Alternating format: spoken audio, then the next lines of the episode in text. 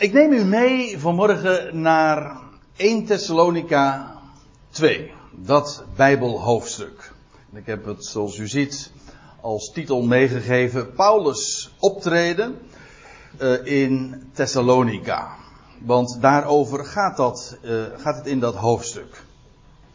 U moet zich even voorstellen, we hebben het over het jaar 50 van onze jaartelling. Het jaar 50, de eerste eeuw dus van van onze jaartelling. Ongeveer, misschien zelfs precies. En dat, dan lees je in Handelingen 16 dat Paulus en zijn medewerker Silas zich bevinden in Filippi. Ik kom daar straks nog eventjes op terug. En dat is een zeer turbulente tijd geweest. Het wordt allemaal beschreven in het boek Handelingen. Door Lucas, dat was een medewerker van Paulus. En dan lees je in het daarop volgende hoofdstuk 17 dat hij in Thessalonica arriveert en daar slechts drie weken verblijft. Dat lees je in de eerste verse van dat hoofdstuk. Drie sabbatten achtereen dat Paulus daar in de synagoge vanuit de schriften bewezen heeft dat Jezus is de Messias, de beloofde Christus. En ook dat was een hele turbulente tijd, enorm veel tegenstand. En zo ging het eigenlijk altijd, standaard. En Paulus heeft daar een geweldig goed bericht mogen doorgeven. Ik kom daar straks uiteraard uh, op terug. En daar ontstond een ecclesia. En Paulus moet op een gegeven ogenblik maken dat hij wegkomt. Vanwege de vervolging. En dan, want ze proberen hem uh, om te brengen. En dan vlucht hij via via naar Athene. En daar in Athene, dus vlak nadat hij dus uit, eh, uit Thessalonica, het huidige Saloniki, vertrokken is, schrijft hij de brief aan de Thessalonicensen. De, of de Thessalonikers, net maar hoe je het zeggen wil. En het is in diezelfde tijd dat hij ook zijn reden houdt, en daar is Handelingen 17 dan met name ook bekend om, zijn beroemde toespraak op de Areopagus, te midden van de Griekse filosofen. En op die marktplaats, die Agora, eh, spreekt hij ook weer over die ene God, die, waarvan zij geen weet hadden. De hun onbekende God. Om even een idee te hebben hoe dat dan geografisch in elkaar steekt. Hier heb je de, oost, de westkant van het huidige Turkije. En Paulus was vanuit Troje, Troas, uh, overgestoken naar Neapolis. Vervolgens is hij naar Filippi gegaan. Dat ligt dus hier. Dat is in Handelingen 16 wordt dat beschreven. Dan gaat hij via Apollonia naar Thessalonica. Saloniki, een grote stad ook in onze dagen. En dan vervolgens gaat hij naar Berea. Daar uh, had hij hele goede ervaringen. Dan moet u dat maar eens nalezen in Handelingen 17, vers 11. Waarom dat zulke goede ervaringen waren.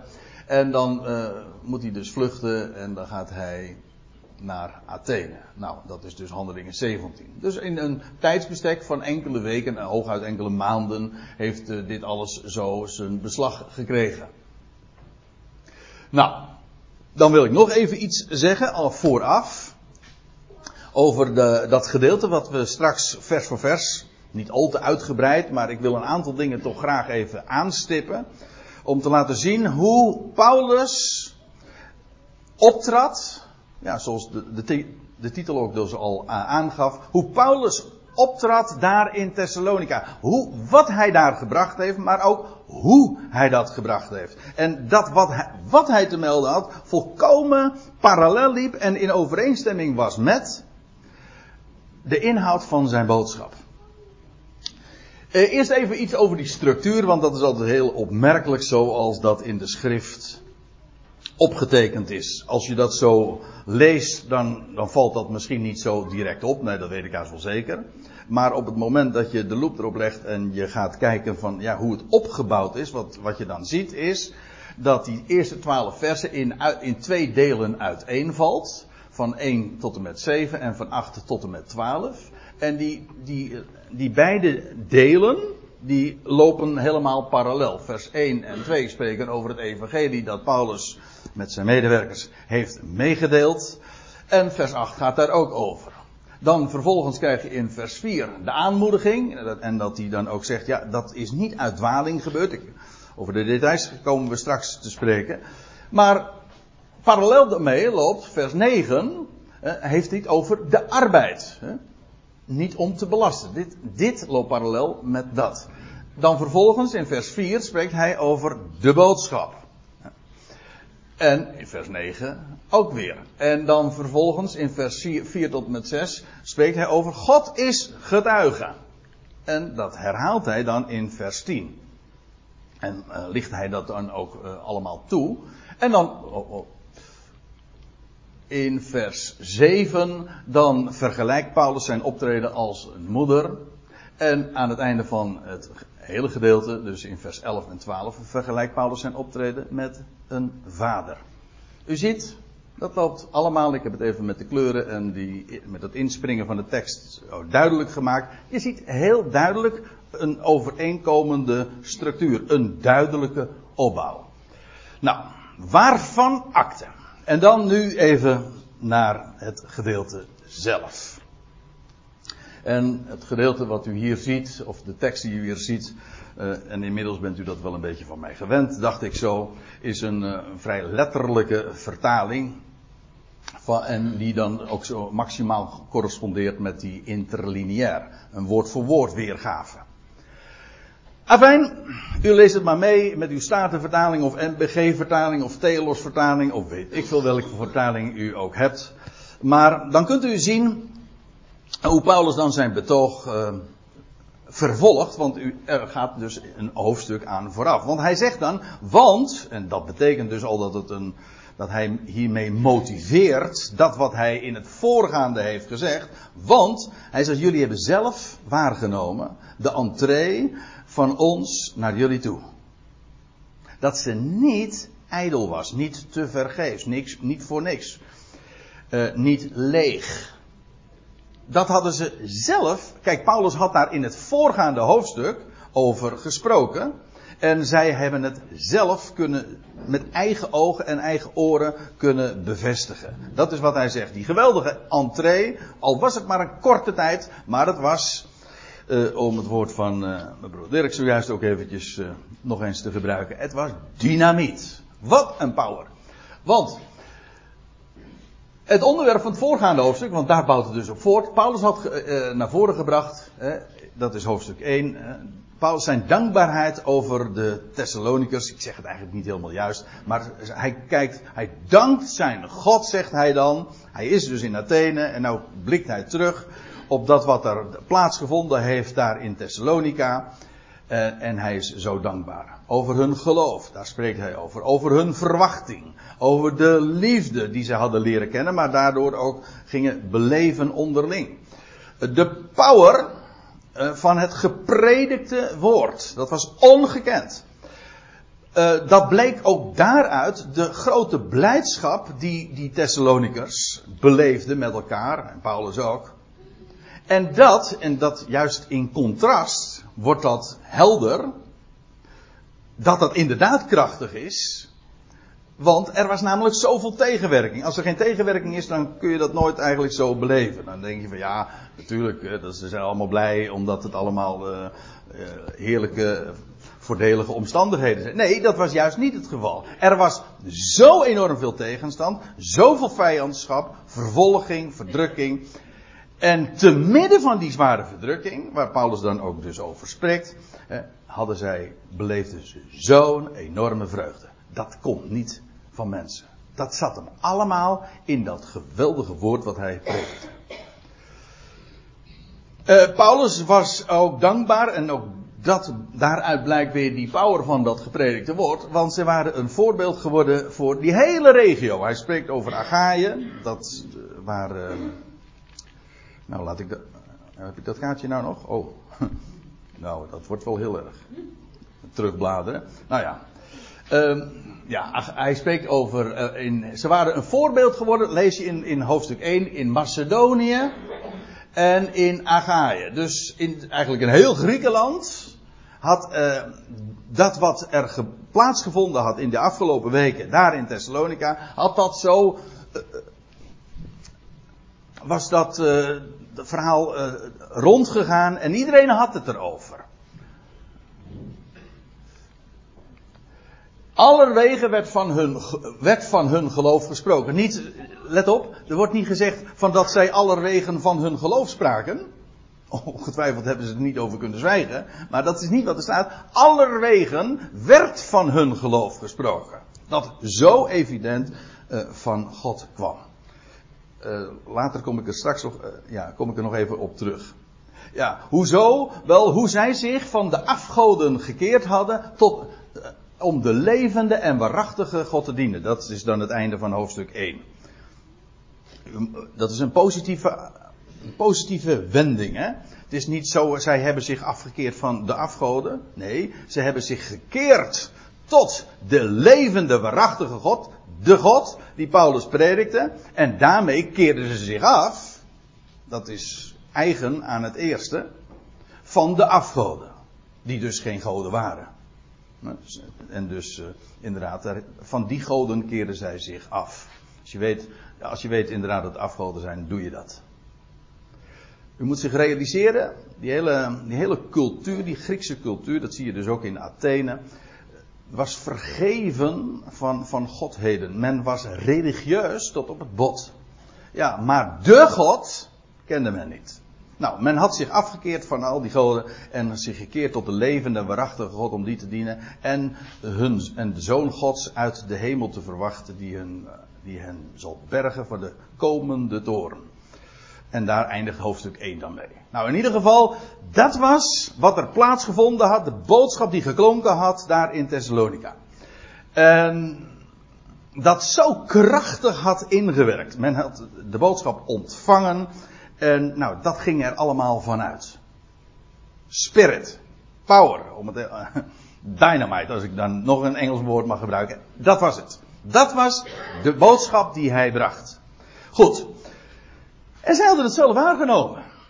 Dus waar Paulus zo dankbaar over was, dat konden zij zelf gewoon zintuigelijk bevestigen. En ik zei al, we gaan wat, uh, soms wat sneller uh, door de, de tekst. Maar in vers 2 zegt hij, terwijl wij tevoren leden. En beledigd werden. Smaad ontvingen. In, de, in die laatste, in die onderste regel die je hier ziet. Dan zie je de wijze waarop de MBG 51 dat weergeeft. Hè. Tevoren leidende, zij geven dat dan weer met de mishandeling die wij tevoren ondergaan hadden. Dat klopt trouwens, want kijk het maar na in Handelingen 16. Uh, ehm, want Paulus was, daar is, een beroemde geschiedenis. Nou ja, ik weet niet hoe vertrouwd u bent met, eh, met de Bijbelse dingen, maar uh, hij, we lezen in Handelingen 16 dat hij uiteindelijk in de gevangenis geworpen werd. Inderdaad vanwege belediging, smaad volstrekt onterecht, maar goed, ja, dat is smaad. En ze kwamen in de gevangenis terecht. En u weet het, werden ze, kwamen ze in de, onderste, in de binnenste kerker. En dan was koud. En ze waren bovendien eerst nog gegezeld. En dan lees je, eh, de hele gevangenis hoorde, uh, luisterde toe. In de, midden in de nacht zongen zij, Paulus en Silas, de lof Gods. Totaal dus niet uit het veld geslagen. En ja, wat is dat? Waar, waarom dat zulke mannetjesputters? Nee, dat is het niet. Dat is allemaal de God die ze kenden en het woord wat ze hadden leren kennen. Dat was de uitwerking. Ja, en. Ze hadden ze lijden ondervonden, ze waren beledigd. Daar in Filippi, het wordt allemaal zo mooi, dat is mooi hè, in die brieven. Het correspondeert precies met wat de geschiedschrijving die we van Lucas hebben in, in het boek Handelingen. Hij zegt, en jullie hebben dat vernomen. Wij waren in vrij, eh, waren, terwijl wij dus leden, waren wij vrijmoedig in de God van ons. Paulus hield niks achter. Hij kende de God. Ik, met opzet, het, is niet zo, het klinkt niet zo mooi Nederlands, maar het maakt me niks uit. Het is iedere keer de God. Het gaat namelijk, we hebben het over die ene.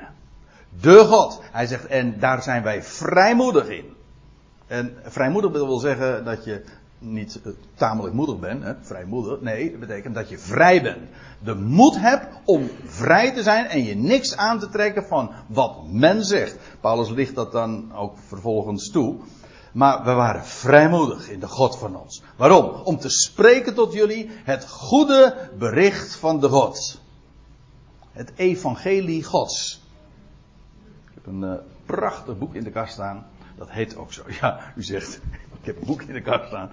Um, dat, uh, dat, dat, is allemaal het evangelie Gods. Nee, maar dat heet als een van een Duitse streuter. Ik kan het erg aanbevelen. Het evangelie Gods. Geweldig. En dat is wat Paulus toen verteld heeft. Het goede bericht van de God. En dat is mooi, want eh, deze uitdrukking gebruikt hij, het, het evangelie Gods, uh, gebruikt hij drie keer in, in dit vers dus, in vers 8 en 9, we komen het dus nog twee keer tegen. En ik vind het zo mooi dat hij dit zo gebruikt, omdat hij deze brief schreef vanuit Athene, en wij weten heel goed wat hem in Athene zo bezig gehouden heeft en wat hij in Athene gedaan heeft. dat hij op een gegeven ogenblik dan uitgenodigd wordt om, uh, om te vertellen wat hij te melden heeft. En dat doet hij dan. En wat doet hij? Hij gaat spreken over de God die hemel en aarde gemaakt heeft. En die niet in, een, uh, in gebouwen van mensenhanden uh, woont. Nee, de God die alles overtreft. Die ook alles beschikt. Die aan alle leven, adem en alles geeft. Die niets nodig heeft. Nee, hij geeft. En die een geweldig plan heeft met de hele schepping. Kijk, dat is het goede bericht van de God. En ik hecht eraan, de God, hè, vergis u niet, dat is degene die alles beschikt. Of eigenlijk in het Grieks, degene die alles plaatst. Alles een plek geeft. Nooit gebeurt er iets voor niks. Dat is op zich toch een goed bericht. Als je vertelt wat, wat de God is, beter nog, wie de God is, dan ken je een goed bericht. Natuurlijk, dat heeft vele voetnoten. Hoe dan wel? En wat gaat hij dan wel doen? En door wie? Nou, allemaal door zijn zoon.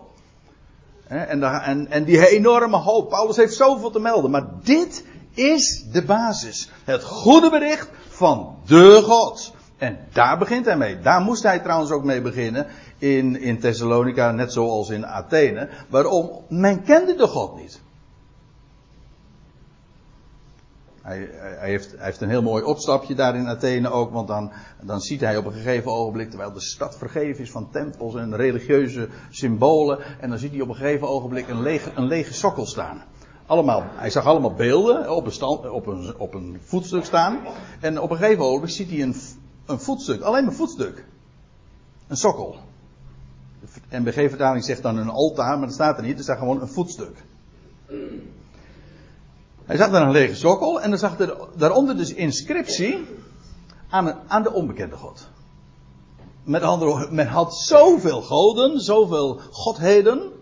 Maar uh, om uh, het zekere voor het onzekere te houden, heeft men er ook nog, nou ja, mochten we een God vergeten zijn die we niet kennen, dan staat hier, dan is deze, dit standbeeld, deze lege, deze lege sokkel, daaraan gewijd. Nou zegt Paulus, die God die jullie niet kennen, die predik ik jullie.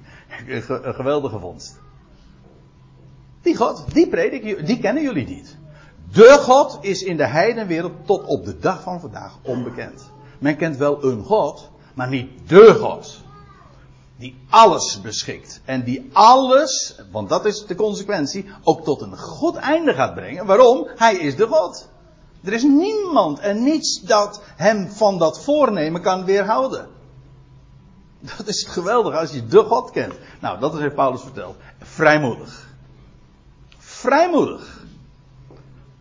En in veel strijd. Juist die strijd betekent dat in die strijd, in, in die context, bewees hij inderdaad de, ja, de die hij ook aan de dag lag, legde. Als niemand je tegenspreekt en als niemand je, je moeilijk maakt, ja, er is niet zo moeilijk om gewoon te vertellen wat je te melden hebt. Maar juist wanneer, wanneer ze je erop aanvallen, ja, dan komt het erop aan. Paulus heeft dat verteld. Vrijmoedig, het goede bericht van de God in veel strijd. Want, zegt hij, de aanmoediging van ons. Wat hij sprak, dat was ook een aanmoediging. Uiteraard, dat is een goed bericht. Die komt niet vanuit dwaling. Heel mooi, in, uh, in 2 Korinthe 4. Dan zegt hij, in vers 2, laat ik het gewoon maar citeren. dan weet je meteen waar, waar hij het over heeft. Dan legt Paulus eigenlijk zelf, zichzelf uit. Hij zegt, wij frauderen niet, wij frauderen het woord van God niet. Frauderen wil eigenlijk zeggen, uh, letterlijk, uh, valse elementen toevoegen aan iets. Bijvoorbeeld, uh, wij zeggen dan, water bij de wijn doen. Je voegt iets, een waardeloos element toe, waardoor je feitelijk de bol zit te bedonderen, ja. Hè? Te ja, te flessen in dit geval, ja, echt. ja. Hij zegt, we vertrouwderen het woord van God niet, maar in de openbaarmaking van de waarheid bevelen we onszelf aan uh, naar elk geweten van mensen toe. Dat was, ja, hij zegt, hij brengt de waarheid aan het licht. Dus opmerkelijk hè. Als Paulus in, in, pardon, in Thessalonica is. Wat doet hij? Die, die sabbatten dat hij dan in de synagoge optreedt. Hij ging de schriften open en hij, hij heeft gewoon de schriften geopend. Hij heeft gewoon de dingen laten zien. Vanuit de schrift. Hij heeft zijn, zijn boodschap heeft hij onder bewijs gesteld. Dat wil zeggen, hij bracht de waarheid aan het licht. Gewoon de bonnetjes op tafel en iedereen die het wilde controleren, die kon inderdaad vaststellen dat wat die vent zegt, ik bedoel in hun ogen, ze kenden die hele Paulus niet, is, zijn optreden was zwak. Hij was kennelijk niet een groot spreker, hij betekende naar, naar fysieke zin helemaal niet zoveel. Dat zegt hij ook in de Korinthebrief, is er volstrekt helder en eerlijk in. Hij zegt, maar dat maakt niet uit. Wat ik vertel, het gaat om één ding, en dat de waarheid.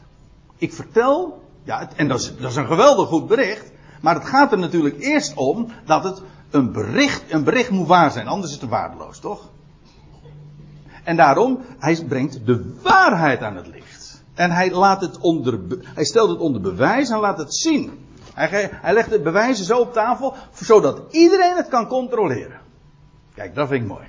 En hij zegt, dat, eh, we frauderen niet. Hij zegt, we maken gewoon de waarheid openbaar. En dat betekent dat iedereen het kan en mag controleren. Niet zo van jullie, ik zeg dit en je moet het nou maar op mijn gezag aannemen. Nee. Hij bewees het. Hij bracht de waarheid aan het licht. Hij maakte dat openbaar. En zo zijn wij een aanbeveling voor elk menselijk geweten. Iedereen die eerlijk is, die kan het checken. Dus hij zegt, de aanmoediging van ons die kwam niet, komt niet vanuit dwaling. Nog vanuit onzuiverheid of onreinheid. Eh, dat wil zeggen een eh, onzuiver motief.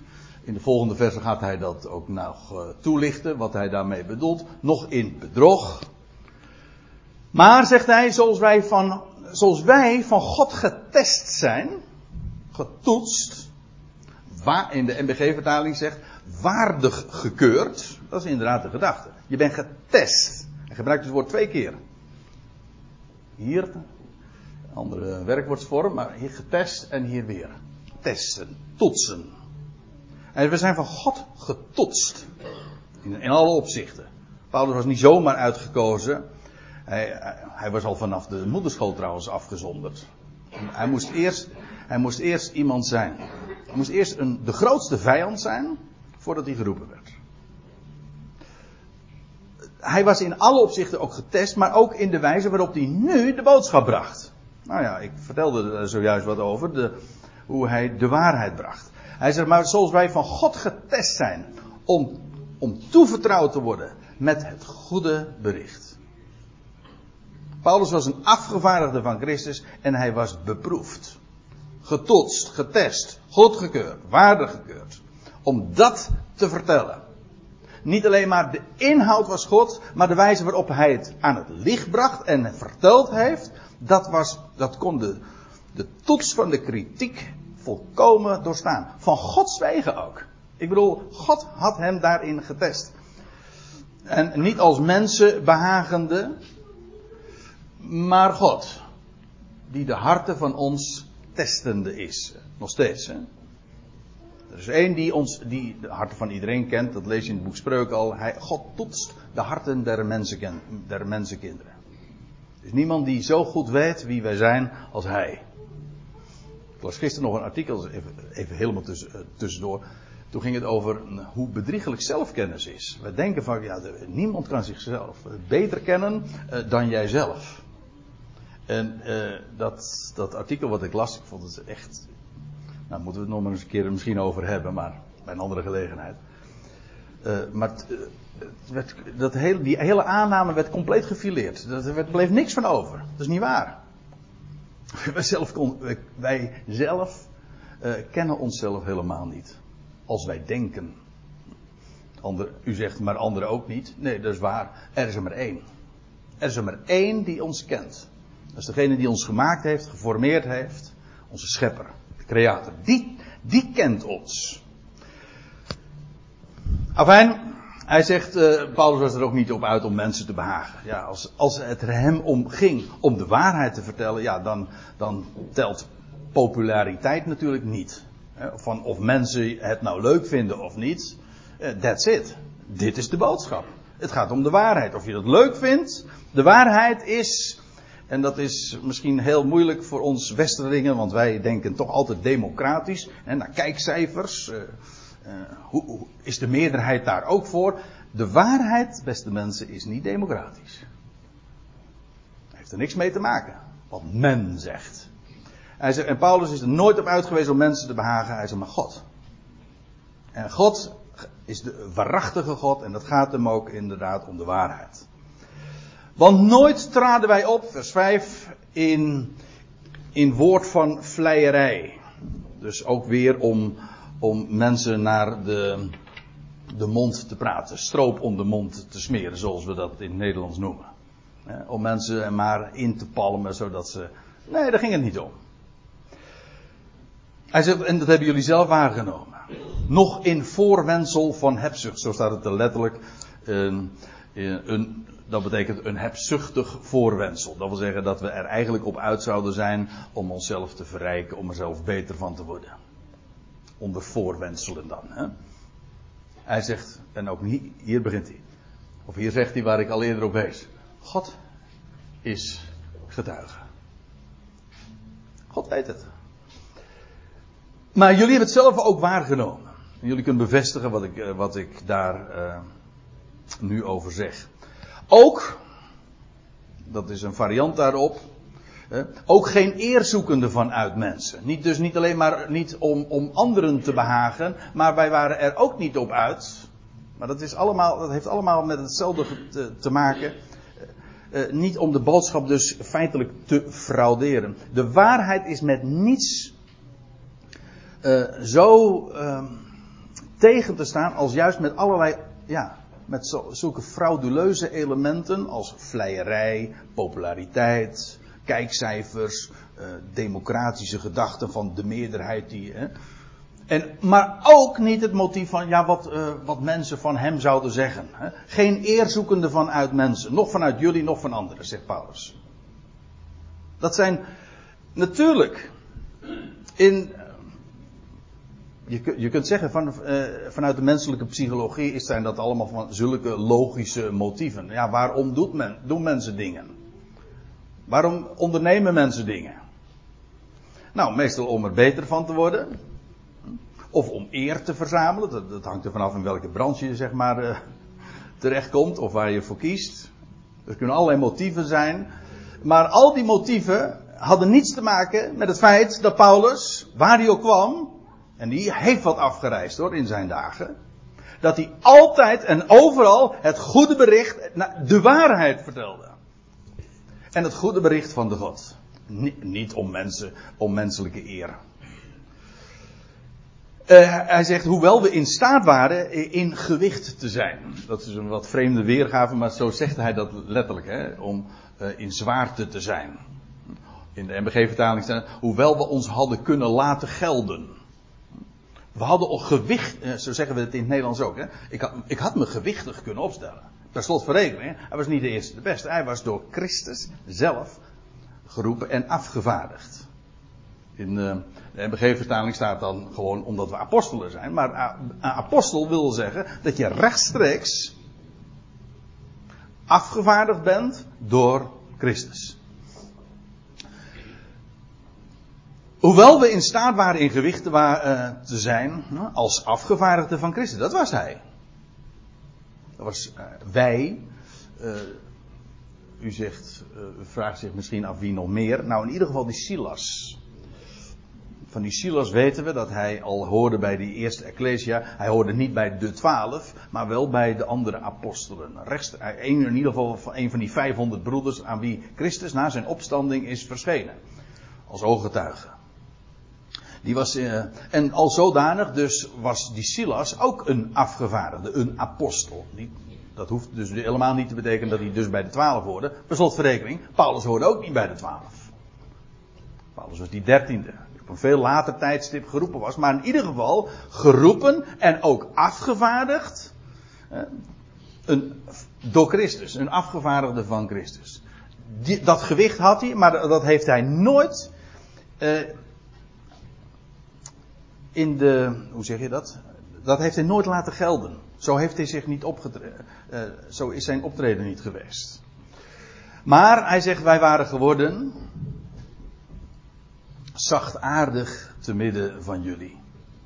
En dan vergelijkt hij dat met zoals een voedster zou koesteren de kinderen van haarzelf. Dus het gaat hier echt over, over een moeder. Hij gebruikt hier niet het woord moeder, maar de gedachte is hetzelfde. De kinderen van haarzelf. Uh, hoe doet een moeder dat?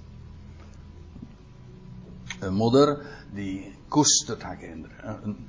We zullen trouwens ook straks ook zien dat dat te maken heeft met onvoorwaardelijke liefde. Hij zegt, en zo ben ik geweest. Als een, als een moeder. Mooi hè, zoals Paulus dat vergelijkt. Hij is daar maar zo kort geweest. Maar dat woord wat hij gepredikt heeft, dat is feitelijk ook, en het sluit een beetje aan met wat Dirk ook verteld heeft, dat woord is feitelijk ook zaad. Zo wordt het heel vaak. Het zaad van de wedergeboorte wordt het ook genoemd. Het heeft namelijk uh, het, de kracht, de potentie, ook een mooi woord in dit verband, om nieuw leven voort te brengen. En dat is toch precies wat zaad is. En, wel, en, en vervolgens heeft hij dat wat voortgebracht is, wat voortgeplant is, uh, heeft hij als een moeder opgetreden daar in Thessalonica. En heeft hij hen gevoed, heeft hen gekoesterd. Als de kinderen van haarzelf. Zo, zeer gehecht zijnde aan jullie, hebben wij een welbehagen uh, mee te geven aan jullie. Niet alleen het goede bericht van de God, heb je het weer? Tweede keer, het goede bericht van de God maar ook de zielen van onszelf. Dat wil zeggen, Paulus heeft niet alleen maar iets verteld en iets doorgegeven, maar hij, hij, hij had, nog, hij meer mee te delen.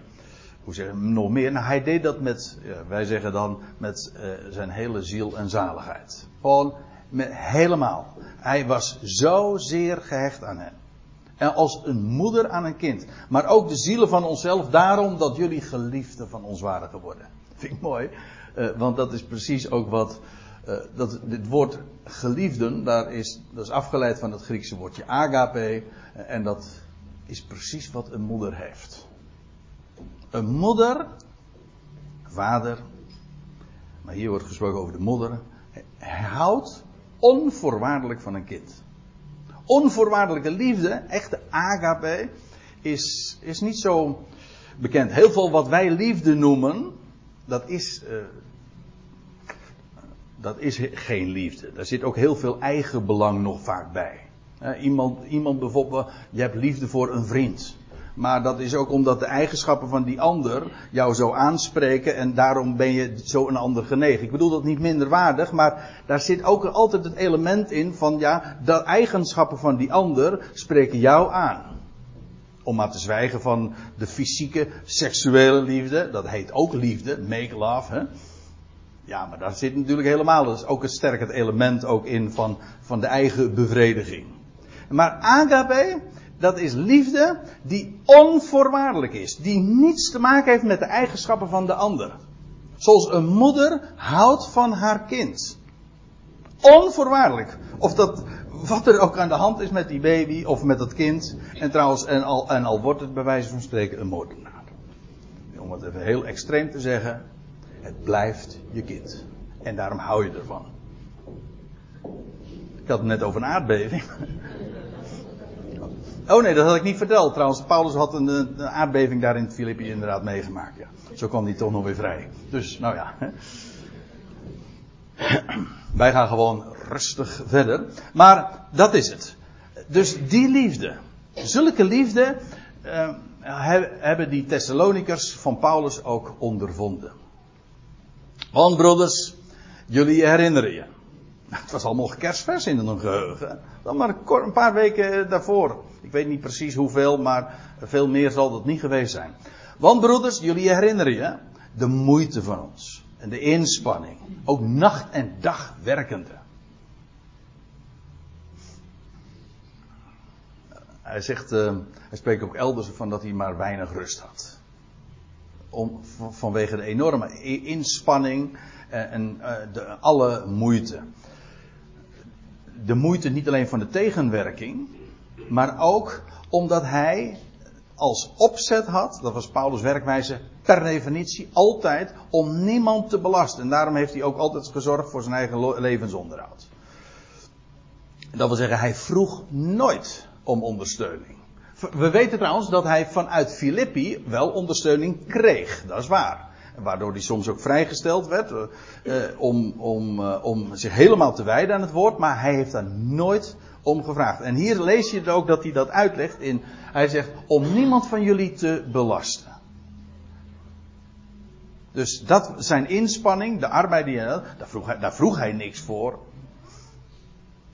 Wat trouwens ook weer bevestigt wat hij eerder zei, namelijk dat, dat hij niet uit was op, op geldelijk gewin. Zulke motieven speelde totaal niet.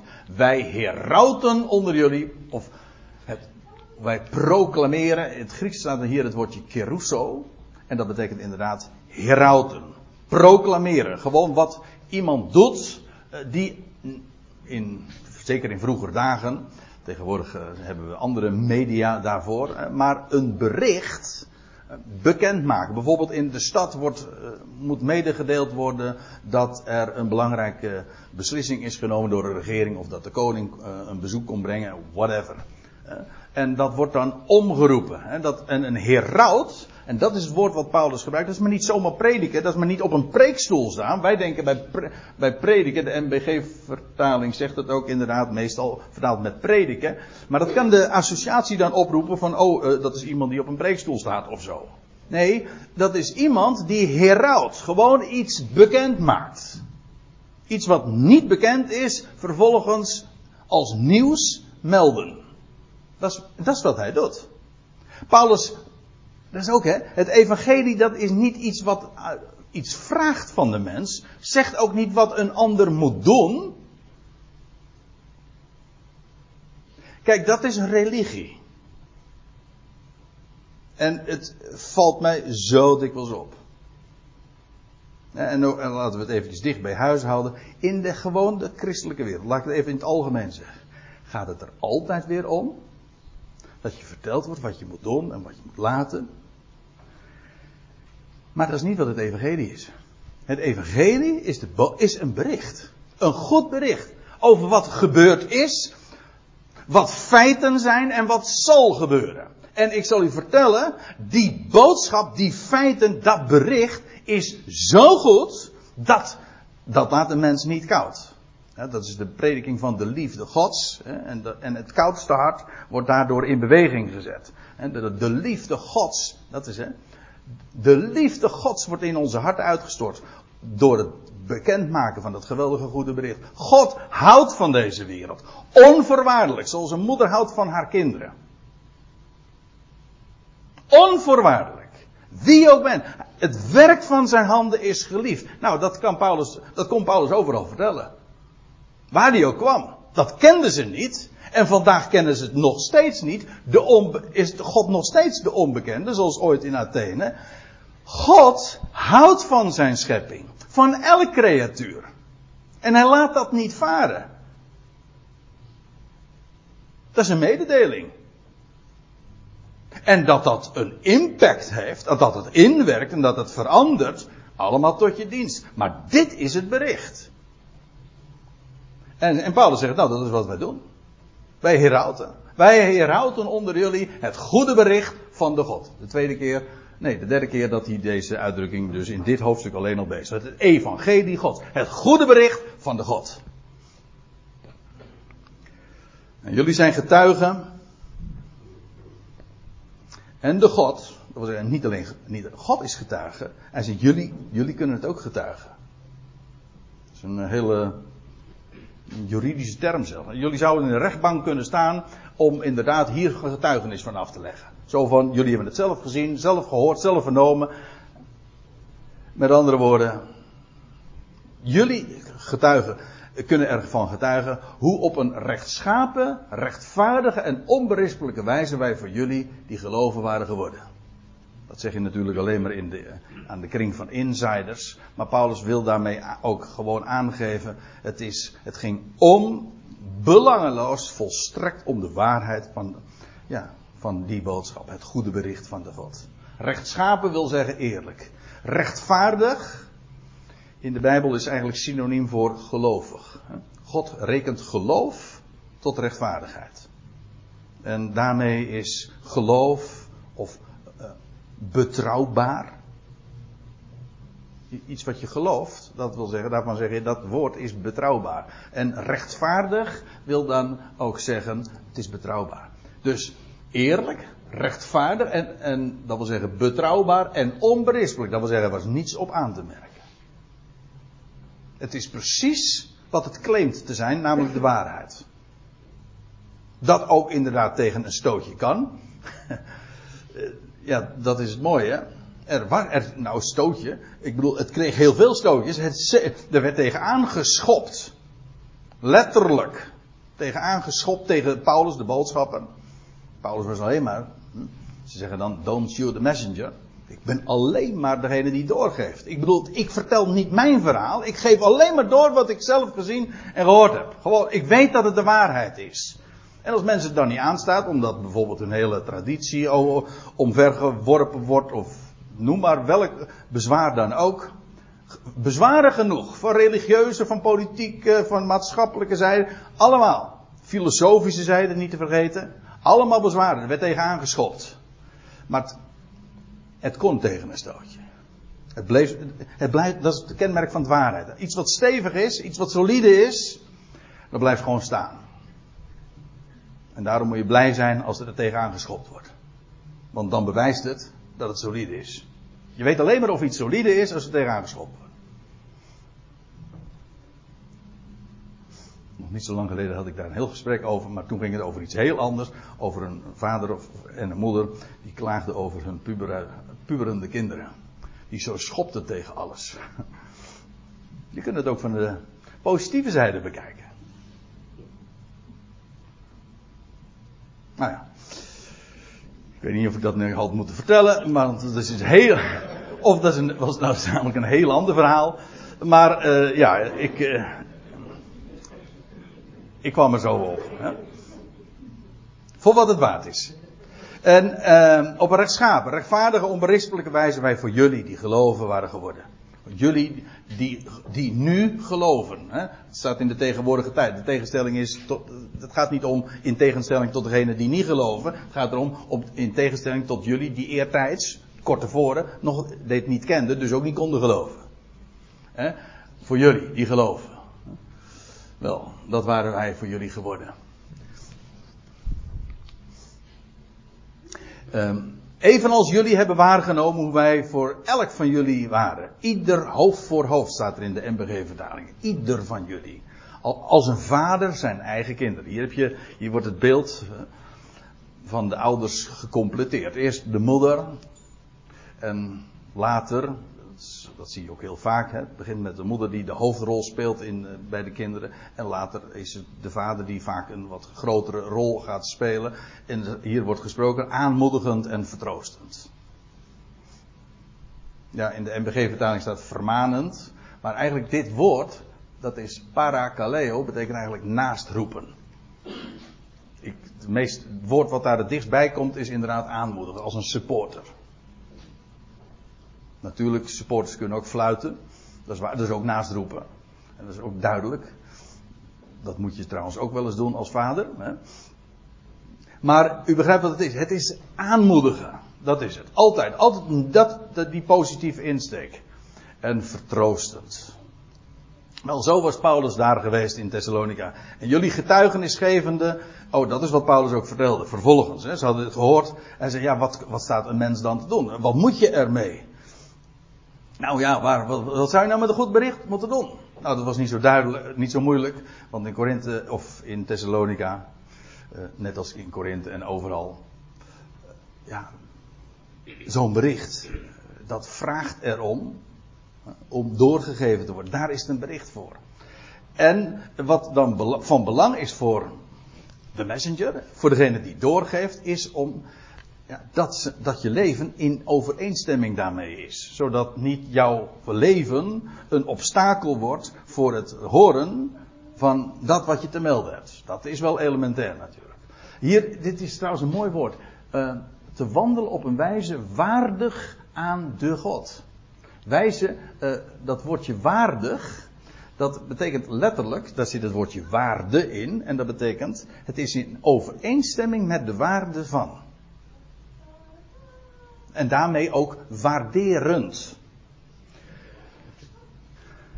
Waarderend de God. Zodat, en dat is, dat is het geweldige. Dat is trouwens ook weer een goed bericht. Als je in je, dan krijg je leven namelijk ineens waarde. Heb je daar zo wel eens over nagedacht? Het is niet om te waarde, waardig.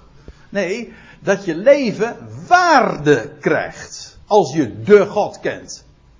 Zodat die wandel gevuld wordt met rijkdom. Dan heb je trouwens ook een heleboel mee te delen. Dat is mooi ook van rijkdom toch? En dan kun je, kun je, wat, kun je wat kwijt. Maar ook dat je leven daarmee zin en inhoud, oftewel waarde krijgt. Dat is te wandelen op een waardige wijze aan de God. Hè, die jullie roept tot in het koninkrijk en de heerlijkheid van Hemzelf. En nou zijn we eigenlijk weer terug bij af. Ja, ik zou eigenlijk nog. Ik had nog een vers in gedachten, maar goed. Waarom zeg ik dit? Er wordt gesproken over de waarde van God. Hè, waardoor onze wandel inderdaad betekenis krijgt en dat we die, die waarde ook mogen etaleren en doorgeven. En die God, het was de God, en die roept jullie. Hij is jullie aan het roepen, hij is bezig daarmee. In feite is het doorgeven van het goede bericht op zich al een roep. Want ja, een, een bericht, als het waar is, dat vraagt erom om geloofd te worden. Toch? Je vertelt toch een bericht, zodat mensen het weten en daarmee hun voordeel kunnen doen. Maar dat kun je alleen als het bericht gelooft. Als het bericht vervolgens zegt van nee, dat is, dat niet waar, of een alternatieve waarheid. Hè? Ja, dan, heb, je het geparkeerd, dan heb je het, heb je terzijde gesteld, dan geloof je het dus niet. Ja, dan heeft, het, dan heeft het bericht, dan blijft het bericht waar, maar in jouw leven heeft het geen enkele betekenis. Toch? Maar die God die roept, en hij roept tot in het koninkrijk en de heerlijkheid van zichzelf. Vergis u niet, God is, gaat een koninkrijk openbaren. Eerder hebben we nagedacht over, over de oogst die gaat komen, over de, de Ionen die, die nog die, de wereldtijdperken die God in zijn planning heeft, waarin de Christus zal heersen, letterlijk zijn koninkrijk hier op aarde in de hele kosmos gaat vestigen.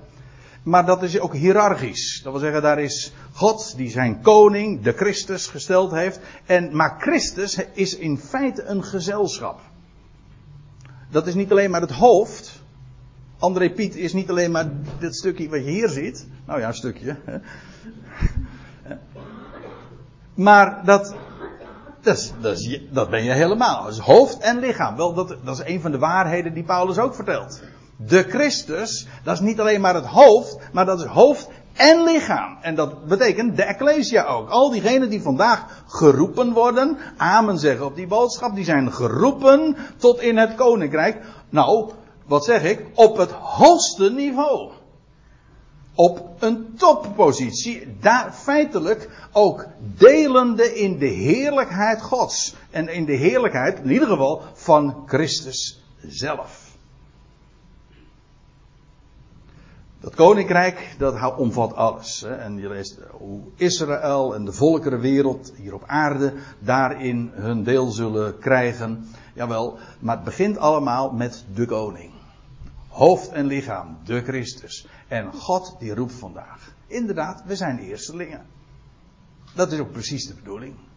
Maar wat geweldig is het om dat goede bericht van de God, zoals Paulus dat daar ooit in Thessalonica gepredikt heeft en dat vandaag in de 21ste eeuw nog steeds waar is. Om die boodschap gaat het.